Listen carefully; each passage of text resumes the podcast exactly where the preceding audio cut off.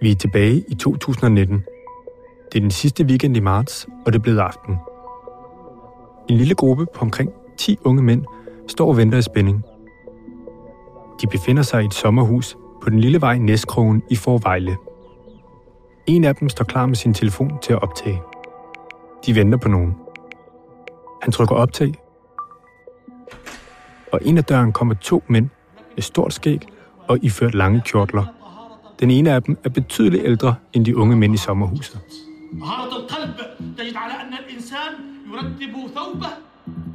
De to nyankomne får en heldemodtagelse. De bliver krammet, og islamiske hilsner flyver gennem luften fra de unge, der er ivrige efter at byde de to velkomne.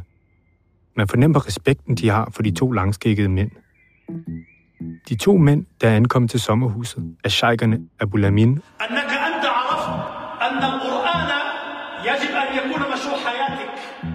og Abu Jihad. Vi har fået alt det her at vide. Så lad os lige se, hvordan profeten sallallahu alaihi wasallam har praktiseret hans liv. Det er to personer, der gang på gang dukker op i fortællingen om det islamistiske miljø i Danmark.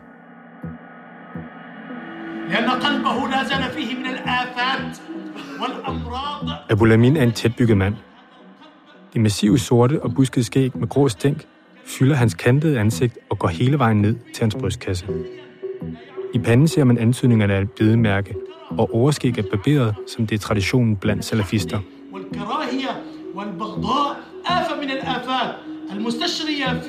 Abu Lamin er en af Danmarks mest markante salafistiske sheiker, og han er blandt andet kendt for Voldsmose-sagen, hvor det blev beskrevet, at flere af de dømte i sagen modtog næsten daglig undervisning af ham op til deres anholdelse. Vi begynder meget apropos med en historie med tråde til den danske terrorsag fra Odense. Politiet har nemlig fundet farligt sprængstof i Voldsmose. Det fremgår af fortrolige papirer, som ved en tilfældighed er blevet fundet på åben gade i København. Nu er han den øverste sheik for de unge mænd i Team Darba, som han løbende forkynder sin tolkning af islam overfor. Og det er netop derfor, han træder ind over dørtasken til sommerhuset denne marsdag sammen med hans protégé. Lad os lige tage nogle af hadith, hvor profeten sallallahu alaihi wasallam lige ud tager afstand fra at efter din kuffar. Abu Jihad er den yngre af de to. En rigtig rising star i miljøet. Det første, så vi ved, at det, der foregår i dag, det har profeten sallallahu alaihi wasallam snakket om. Hans lange, kraftige sorte skæg og barberede overskæg viser, at han, ligesom hans lærermester, dyrker salafismen. Men i modsætning til sin mentor, er skægget veltrimmet. Han er veltalende, og med sin klare vokal indtager han lokalet, når han taler.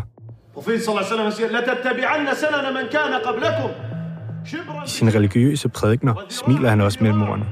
I vil følge dem, som var før jer, step by step, hvis man kan kalde det. Og det er hans måske i Svendborg, der bliver samlingspunktet for Team Darva.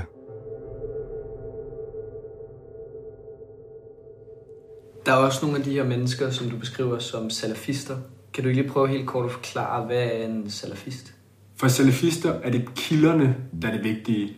Altså, hvad der er den rigtige islam. Og hvis du spørger en salafist, så vil jeg sige, at det er to ting, man skal følge. Du skal følge Koranen, bogen og de ting, der står i den, og på den anden side, så skal du følge profeten Mohammed og hans følgesvende, de første tre generationer efter Mohammed, i hvad de gjorde og sagde. Og hvis du følger de to ting, så er du salafist, og så er du en god muslim i deres øjne. Så det handler om hele tiden at se 1400 år tilbage, for at finde ud af, hvordan man skal agere nu i 2021. Man kan også sige, at det er en fundamentalistisk tilgang til islam og til livet.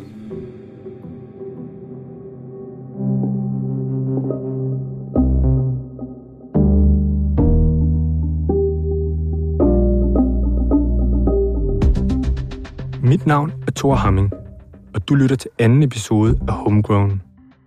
I sidste episode fortalte jeg om en storstilet antiterroraktion tilbage i 2019.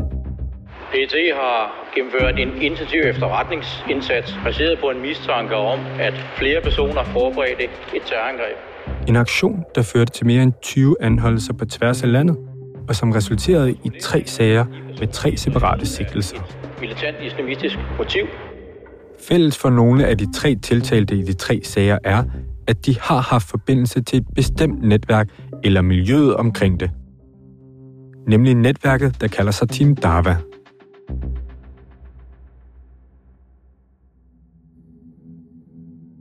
Podcasten er baseret på samtaler med kilder i miljøet og tæt på Team Dava. Af hensyn til de kilders sikkerhed er de anonymiseret. Kildernes fortællinger er blevet sammenholdt med en gennemgang af en lang række aktindsigter, retsdokumenter, vores egen research og indsamlet materiale fra åbne såvel som lukkede og krypterede grupper.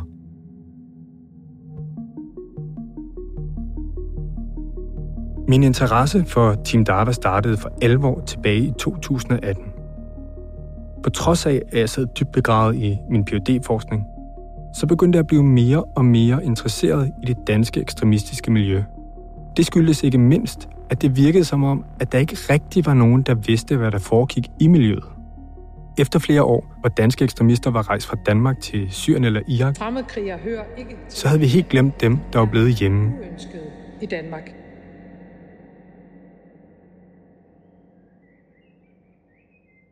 En dag under en gåtur med en kilde i miljøet, spørger jeg ind til islamisk stats tilhængere i Danmark. Kilden har selv en lang historik i miljøet, og har igennem flere år kæmpet for al-Qaida. Så det var min forventning, at han også måtte kende til potentielle islamisk statssympatisører i Danmark. Det er de tosser for Team Dava, lød det prompte svar. Jeg kendte godt gruppen, for jeg var stødt på den på Facebook, hvor den livligt kommunikerede til sine mere end 3.000 følgere. Derfor glæder det mig inderligt at præsentere Team Da'wah, som har til formål at sprede islam til muslimer, lige så vel som ikke-muslimer på landsplan, inshallah. Udadtil fremstår Team Dava umiddelbart som en ret almindelig religiøs gruppe af unge mænd, der blot vil forkynde deres religion. De uploader billeder og video af religiøse og sociale arrangementer fra deres fællesspisning, fodboldtræning og deres hytteture. Og som en islamistisk gruppe, så kommer de selvfølgelig også med religiøse påmindelser og kommenterer på politiske begivenheder. Min kilde fortæller mig, at tonen skifter radikalt, når dørene lukkes, og de er alene. Så lovpriser de ekstremistiske ideologier. Response to the call of jihad. Beskrivelsen af Team Dava som en organisation med et ansigt udadtil og et andet bag facaden gjorde mig naturligvis nysgerrig. Kilden var selv en del af det ekstremistiske miljø, men støttede en anden ideologi. Så var det her bare et forsøg på at miskreditere andre personer, som man egentlig var uenig med? Eller havde han ret? Var Team Dava mere end en fredelig forening? Jeg får drukket kaffen færdig, siger farvel til kilden og cykler hjem af for at påbegynde det første skridt i, hvad der skal vise sig at være et langt stykke detektivarbejde.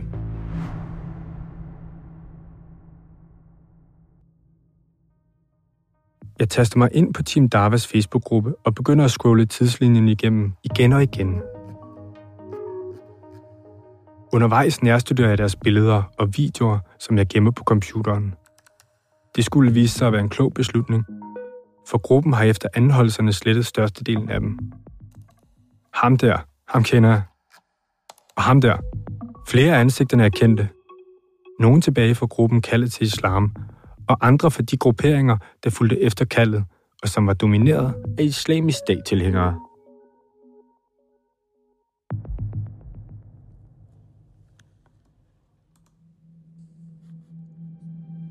Da jeg dykker dybere ned i Team Davas ormehul af billeder og materiale, er der et sted, der bliver ved med at dukke op. Det er et lille lokale uden vinduer. Væggene er hvide, og en trappe ned fra loftet antyder, at det er en bygning i to etager. Gulvet er dækket af en stor blå måtte, og i hjørnerne af rummet hænger to højtalere. I det ene hjørne er der et hak ind, hvor noget murstenstapet omkranser en prædikestol, udformet i gulbrun træ. Det vil ikke være helt forkert at sige, at du skal prøve at forestille dig noget fra din gamle folkeskole. Flere af billederne viser medlemmerne af Team Dava siddende på gulvet med blikket fixeret mod et lille bord foran dem. Og der dukker manden med det buskede skæg fra sommerhuset op igen. Abulamin. Han sidder bag det lille bord, hævet over medlemmerne, der sidder på gulvet og tager noter. Han har en iPad foran sig, og han er i gang med at undervise dem i en rigid tolkning af islam. Andre billeder viser dem stående bag Abu Lamin med hovederne bukket i bøn. Jeg kan se på billederne, at der bliver spist sammen.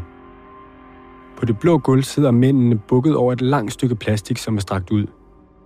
Stykker af lammekød blandet med gule ris og cashewnødder bliver øst fra store aluminiumsbakker over på de paptallerkener, der står på en række. Abu Jihad optræder også på flere af billederne, men ofte i en lidt mere tilbagetrukket rolle i forhold til Abu Lamin. Det er Abu Jihads moské i Svendborg, som jeg sidder og kigger på. Den moské er nemlig helt central for Team Dava. Det er her, de mødes, når medlemmerne fra de forskellige landsdele skal slå hovederne sammen og deltage i undervisning af islam. Undervisning, som bliver ført af Abu Lamin og som Abu Jihad med sin moské i Svendborg faciliterer og er vært for.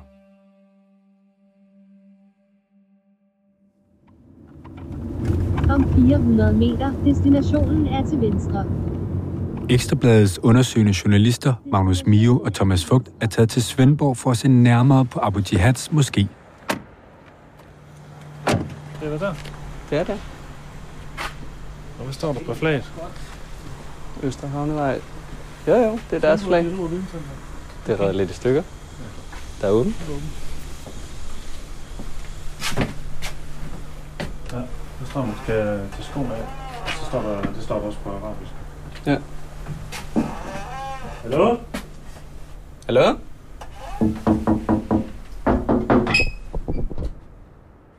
Der er til synlædende ingen hjemme, men ifølge en lokal i området er der ofte masser af aktivitet i moskeen. Vi er kommet på en forkert dag. Ja, fuldstændig. Ja. Og der er fredagsbøn i morgen. Ja. Men der, der kommer folk der løbende eller hvad? Jeg vil sige, de første par år, vi fik faktisk legemålene samtidig. De første par år var der flest gæster her. Ja. Men om fredagen kommer der folk jo. Altså, Ja, okay. Okay. ja, Det er fordi, vi fik indtryk af, at den var lukket helt ned. nej, det var meget sidste fredag. Imamen derinde virker rimelig stille og roligt. Ham jeg ved som, ja det kan være, at de har flere, det tør jeg ikke sige. Nej. Ham jeg har talt med, altså han er, virker som en rimelig stille og rolig fyr, men derfor kan man jo godt have bag skævlet nogle Ja, rabiate holdninger. Ikke? ja, ja, altså, selvfølgelig. Ham der efter vores oplysninger driver moskeen, han hedder Abu Jihad. Abu Jihad, okay, det er også et catchy, catchy name. Der er ikke et øje, men moskeen er altså stadig aktiv, og der er fredagsbøn hver fredag. Og det er altså her, i den lille fynske havneby, at bygningen, der husede adskillige af Tim Davas sammenkomster, ligger i et industriområde ved havnen. Den er omringet af fitnesscentre og et lejeland. Området ligner faktisk et hver andet industri- eller havneområde med graffiti på murstensvæggene og lastbiler, der kører mellem de mange halslette bygninger, der ligner gamle lager og fabrikker. Men her, bare omkring en kilometer fra Svendborg centrum, bliver der bag de lukkede døre åbnet for en ny verden, der er langt fra husene med bindingsværk og de små både i den idylliske sydfynske havn.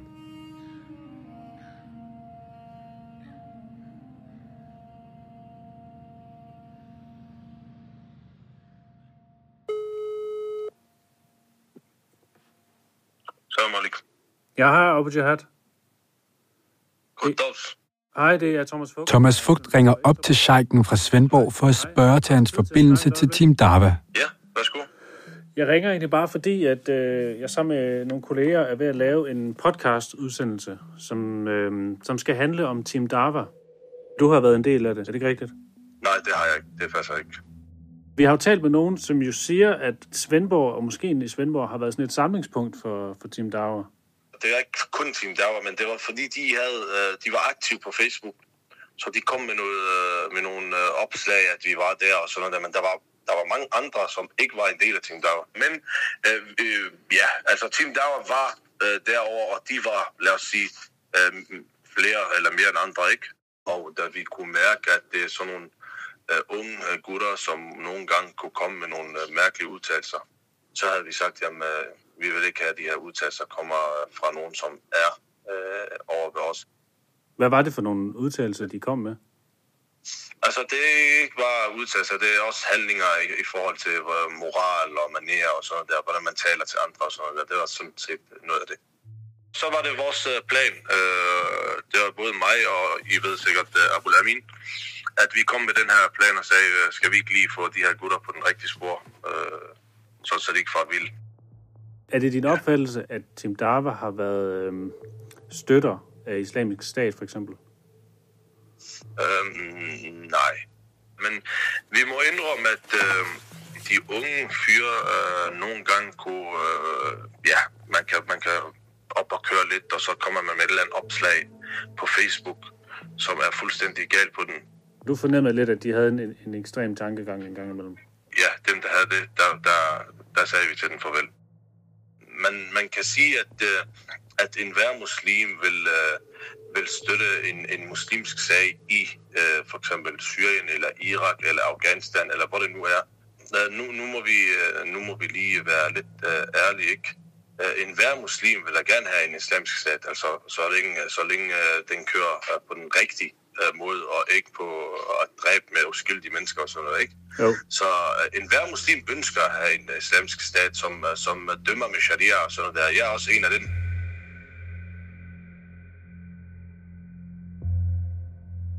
En hver muslim ønsker at have en islamisk stat, som, øh, som dømmer med sharia og sådan noget der. Jeg er også en af dem. Abu Jihad siger altså, at alle muslimer ønsker sharia. Men kan du ikke lige prøve at forklare, hvad, hvad vil det sige, sharia? Jamen, sharia er jo et politisk system, som er informeret af religionen. Det vil sige, det er altså religionen, der definerer, hvilke love og regler du har i samfundet. Det er selvfølgelig en fortolkning af religionen, så det Abu Jihad mener med sharia, er meget vel meget anderledes fra, hvad en anden muslim måske vil sige af sharia. Og hvad, hvad siger det om ham, at han, han anser, at, at alle muslimer ligesom ønsker det her? Det siger jo en masse omkring hans syn på islam, og hvem der er muslimer, og hvem der ikke er muslimer. Fordi når han siger det på den her måde, så mener han jo kun, at det er folk, der tror på det samme som ham, som han anser for at være gode muslimer, eller for at være muslimer slet og ret. Et par af de mere velkendte og skræmmende eksempler på, hvad sharia øh, også er, det er jo det her med øh, stening af kvinder, eller afhugning af en hånd, hvis man for eksempel stjæler. The Islamic State has also taken on the role of governing every aspect of daily life under the strict interpretations of Sharia. Når det kommer til den anden sheik fra sommerhuset, Abu Lamins optræden i forbindelse med Team Dava, så er det ikke første gang, at tråde bliver trukket fra imamen til det ekstreme islamistiske miljø. Adskillige gange i løbet af de sidste 20 år trækkes trådene på kryds og tværs og fletter Abu Lamin ind i yderkanten af et net af ekstremistiske forbindelser. Vi begynder meget apropos med en historie med tråde til den danske terrorsag fra Odense. Politiet har nemlig fundet farligt sprængstof i Voldsmose. En af trådene forbinder Team Davas Sheikh til Voldsmose-sagen. En af de mest profilerede terrorsager i Danmark i nyere tid. Politiet har fundet sprængstof i Odense ved sidste uges rensagninger. Man bliver altså bange, men først når man virkelig får det at vide. Man kunne ikke vide, at øh, de havde det før. Her blev tre personer dømt for at planlægge et terrorangreb mod Folketinget, Jyllandsposten, Rådhuspladsen og Hovedbanegården. I terrorsagen forklarede en af de dømte, hvordan han sammen med en af de andre medvirkende havde læst hos Abu Lamin. Før de blev anholdt, modtog han lektioner hos Scheiken næsten hver dag, forklarede han i retten. Og her, over 10 år senere, så ved vi fra billedmateriale, at Abu Lamin har været underviser for mindst en af de personer, der har tilknytning til Team Dava, og som nu sidder på anklagebænken i en terrorsag. For at forsøge at få svar fra Abu Lamin på, hvad hans konkrete rolle er i forhold til Team Dava, og hvilket ansvar han bærer, forsøger vi at ringe op til ham. Hej, Abdul Amin. Det er Thomas Fugt fra Ekstrabladet. Ja, hej. Vi har, vi har på nogle meget konkrete spørgsmål om, om din relation til de her medlemmer af Team Darva, og også Team Darva som organisation. Der kommer forskellige mennesker til mig og, øh, og får undervisning. Altså, altså jeg, jeg vil ikke altså uh, sige noget om, hvem der kommer til mig og får undervisning. De her Team Darva-medlemmer, der havde lidt ekstreme holdninger, dem kæmpede du ikke. De er bare kommet hos dig til undervisning. Er det sådan, det skal forstås? De kommer, de kommer bare hos mig altså, og, og, og, og, få undervisning. Uh, og få den, uh, den, øh, den ren øh, øh, islam. Der er ikke noget specielt ved dig. Der er ikke nogen grund til, at de, op, de opsøger dig og, og, og din tolkning af islam. Øh, altså, min, min tol, tol, tolkning af islam, det er Koran og, og, og profetens serveret. Her i Danmark, der er retssystem, der er myndigheder, som passer godt på Danmark bedre end dig. Så, så ligeglad, jeg er ligeglad, hvad du skriver om mig. Jeg er, altså, jeg er begynder på islam. Myndighederne, PET, politi, øhm, regeringen, de ved, altså, øhm, hvad er min opgave. Jeg er en far, en, en, en begynder på islam. Jeg giver undervisning i islam. Ud fra Koran og Sunnah. Punktum. Slut. I mit researcharbejde med Team Dava og deres færden står det hurtigt klart, at gruppen ikke ligefrem gemmer sig fra offentlighedens søgelys. Tværtimod.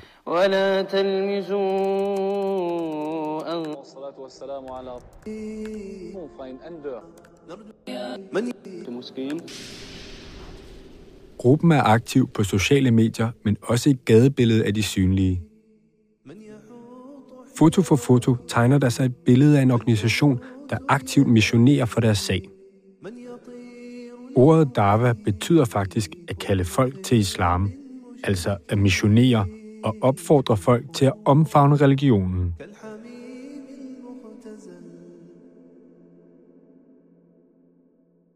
På et billede står to mænd i hvide t-shirt med Team Davas sorte logo på maven.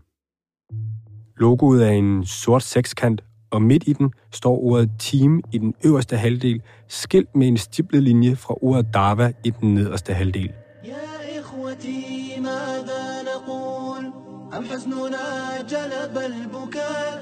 I toppen af sekskanten er der, hvad der ligner en origami-fugl i blå og hvid, og nederst i sekskanten vidner bogstaverne DK om, at organisationen er dansk.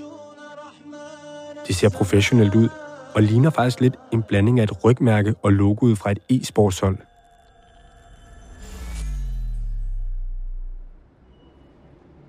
Mændene står ved Nørrebro station, og man kan se, at de deler flyers ud til forbipasserende. Et andet billede viser fire mænd i samme t-shirts foran hovedbanegården. De har også flyers i hænderne.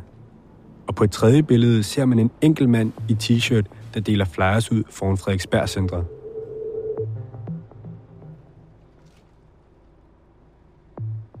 Også børn og unge er til sydlandende mål for deres missionering. På nogle andre fotos ser man tre medlemmer af Team Dava, blandt andet militærmanden, som vi mødte i første afsnit. Denne gang har de ikke t-shirtsene på. De står foran en lille gruppe børn, som hænger ud på en plads. Børnene er omkring 10-årsalderen, og man kan se, at medlemmerne har fanget deres opmærksomhed og taler direkte til dem. Den ene holder, hvad der ligner en flyer i hånden. Sahaba, da de træder ind i islam, de var unge. Endnu et billede dukker op. En gruppe på 12 unge, der er lidt ældre, sidder ved tilskuerpladserne ved en streetfodboldbane. Foran dem står de tre samme medlemmer af Team Dava. Flere af de 12 unge har allerede flyers i hænderne. Hvor tilhører jeg? Hvad vil jeg med mit liv? lyder overskrifterne på de uddelte flyers. Er det ikke på tide at vende tilbage til Allah, står der under. Teksten er skrevet med et sort-hvidt billede af en mand iført sort hættetrøje. Manden står med ryggen til og spejder ud over horisonten. Team Daba forsøger at væve folk til deres netværk, men hvad er det egentlig, at de væver folk til?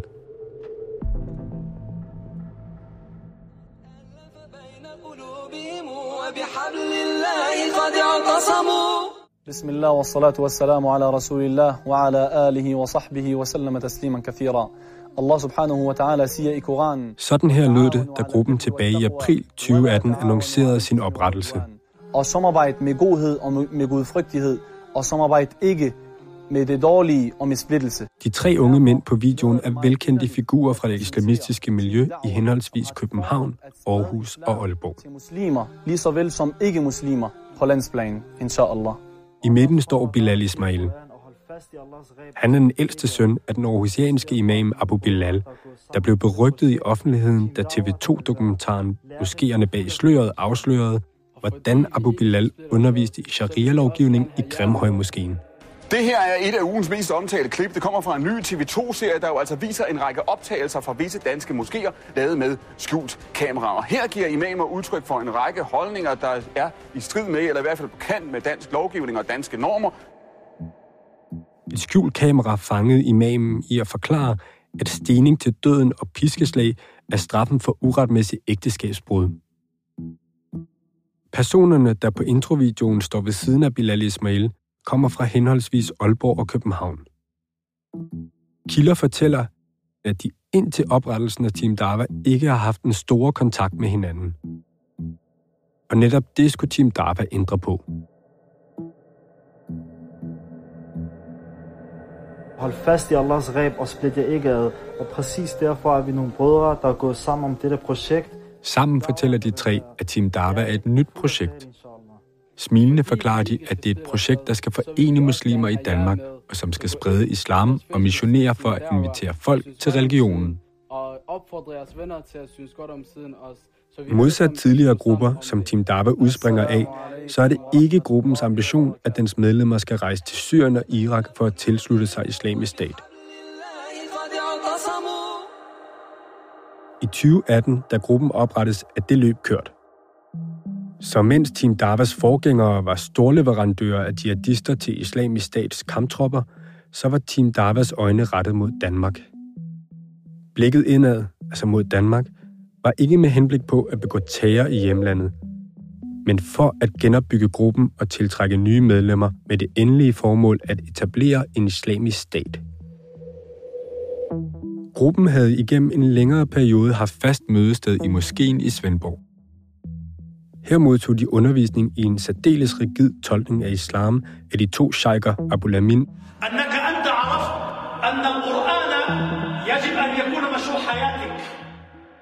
og Abu Jihad.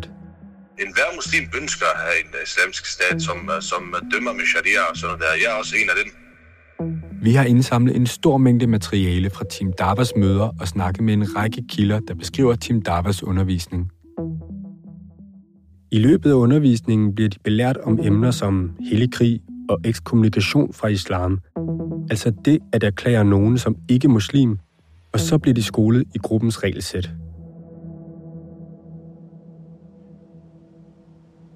Medlemmerne sidder i et mørkt lokale i moskeen i Svendborg. Lyset er slukket, fordi en projektor kører. Oppe i venstre hjørne på powerpointen, som tilhørende sidder og kigger på, står første oplæg. I højre hjørne er Team Davas logo. Titlen på PowerPoint-sliden er Jamars opbygning. De 15 punkter. Jamar er det arabiske ord for en gruppe. På det første slide kan vi se de første fem punkter. At sørge for, at et hver medlem af gruppen praktiserer islam. At sørge for, at der er islam over vores forsamlinger og fællesskab. At sørge for, at vi er et folk, der hører og adlyder. At sørge for, at vi har et defineret mål. Og det sidste af de fem punkter lyder at sørge for, at vi søger viden og handler på det. De resterende 10 punkter viser Team Darva ikke. For gruppen er yderst bevidst om, hvad den lægger op online, og dermed giver offentligheden indsigt i. Det forklarer pet chefen også i retten mod den krøllehårede, som I hørte i første afsnit af Homegrown. Kilder med kendskab til Tim Dava fortæller, at gruppen har to ansigter. Et udadtil, og et andet, når kameraerne bliver slukket, og som ikke blev publiceret på Facebook. Bag lokalernes lukkede døre blev der åbent givet udtryk for medlemmernes sympati for ekstremistiske ideologier. Men som med enhver anden organisation, så varierer holdningerne på tværs af medlemmerne. På et tidspunkt kom det så vidt, at gruppens ledelse måtte reagere internt med nye retningslinjer for medlemmerne. For det første måtte de ikke længere kommentere på konflikten i Syrien og Irak på sociale medieplatforme. Og for det andet blev de også forbudt at se propagandavideoer og lytte til nasheeds. أمتي قد لاح فجر فارقب النصر المبين Problemet var, at flere af medlemmerne simpelthen kom for meget op at køre, når de så propagandavideoerne og lyttede til sangene. Men det kunne Team Dava ikke tillade på nuværende tidspunkt. For flere af medlemmerne viste det sig, at restriktionerne var alt for vanskelige at overholde. Og som konsekvens blev de smidt ud, en efter en. Mens Team Dava angiveligt førte ekstreme synspunkter videre fra tidligere netværk, så var der et punkt, hvor gruppen adskilte sig. Organisering. Ambitionen med Team Dava var fra starten i april 2018, da gruppen blev lanceret, at være et nationalt projekt. Allerede et halvt år før gruppens etablering begyndte forhandlingerne mellem grupper i København, Aarhus og Aalborg med henblik på at nå til en fælles forståelse og en struktur, som de alle kunne være enige i. Løsningen blev en national ledelse med repræsentanter fra hver enkelt afdeling, som jævnligt afholdte møder, hvor retningslinjer blev fastlagt, og hvor den enkelte afdeling havde vetoret. Det var for eksempel på de her møder, at eksklusion fra gruppen blev diskuteret og besluttet. Og inden for hver enkelt afdeling var der specificerede roller. De havde en leder, en medieansvarlig, og så var der en, der stod for arrangementer. Men ambitionerne i Team Dava var større. Med en etableret model for organisationen, så var deres intention at udbrede gruppen til andre dele af landet. De første til at tilslutte sig var lokale muslimske netværk i Esbjerg og i Skive. Måden det ofte foregik på, var, at repræsentanter fra Team Davas ledelse rejste rundt i landet på en charmeoffensiv for at tiltrække nye medlemmer. De ville tilbringe hele weekender hos en muslims forening, hvor de ville fremlægge projektet Team Dava. Målsætningen var, at gruppen skulle blive et nationalt fænomen i Danmark. Vi ved fra kilder, at flere personer med tilknytning til Team Dava støtter ideologien og kampen for at etablere et kalifat. Det bedste eksempel på et kalifat i nyere tid så verden for snart syv år siden. These government troops are withdrawing, driven out by fighters of the Al Qaeda affiliated Islamic State in Iraq and the Levant, or ISIL. The group wants to establish an Islamic State in Iraq and Syria, under de sorte faner indtog islamisk stat store dele af Syrien og Irak, efter at organisationen i 2014 løsrev sig fra al-Qaida. Senere på året erklærede islamisk stat deres kalifat, da territorielt var over dobbelt så stort som Danmark på sit største. Og det var til det her kalifat, at et stort antal fremmedkrigere tog til Syrien for at tilslutte sig. Fremmedkrigere hører ikke til i Danmark. De er uønskede i Danmark. Verdens øjne i Vesten var fast fixeret på kalifatet, men få informationer slap ud fra det i store træk lukkede land. Førstehåndsberetninger fra indersiden af kalifatet er derfor få. Men i næste episode af Homegrown skal du høre en af dem. Vi har talt med en af de danske kvinder, som under kalifatets storhedstid levede i det brutale regime. Dernede så kunne man køre forbi, så havde de sådan noget der øh, hvor de udstillede de der øh, halshugget hoveder for eksempel. Det var jo så fjernt fra min virkelighed at se sådan noget der. At min hjerne registrerede det, som om jeg var med i en film. I forbindelse med podcasten har vi været i kontakt med Team Dava og forelagt dem de anklager, som der bliver rettet mod dem. Team Dava har sendt et skriftligt svar, hvor de skriver, der vil altid være noget sniksnak, dog typisk uden beviser som altid. Men én ting er stensikkert. Vi har intet med islamisk stat at gøre, og vi vil hverken associeres med dem eller andre lignende terrororganisationer. Det er simpelthen for grænseoverskridende. Vi hverken roser eller opfordrer til at skade andre mennesker. Vores eneste mål er at forkynde islam, som den står skrevet i Koranen og Sunna til muslimer, såvel ikke-muslimer. Hverken mere eller mindre. Vi har ingen relationer til andre grupperinger eller bevægelser i Danmark eller uden for Danmark, og vi tager afstand fra enhver form for ekstremisme, hvad end de måtte kalde sig. Team Dava har afvist at stille op til interview. Hvis du har noget viden eller information, du gerne vil dele med os, så kan du gøre det anonym på mailadressen ebhomegrown eller i en krypteret besked til nummeret 81 94 80 14. Homegrown er lavet af Thomas Arndt, Magnus Mio, Thomas Fugt, Leo Peter Larsen og mig, Thor Hamming.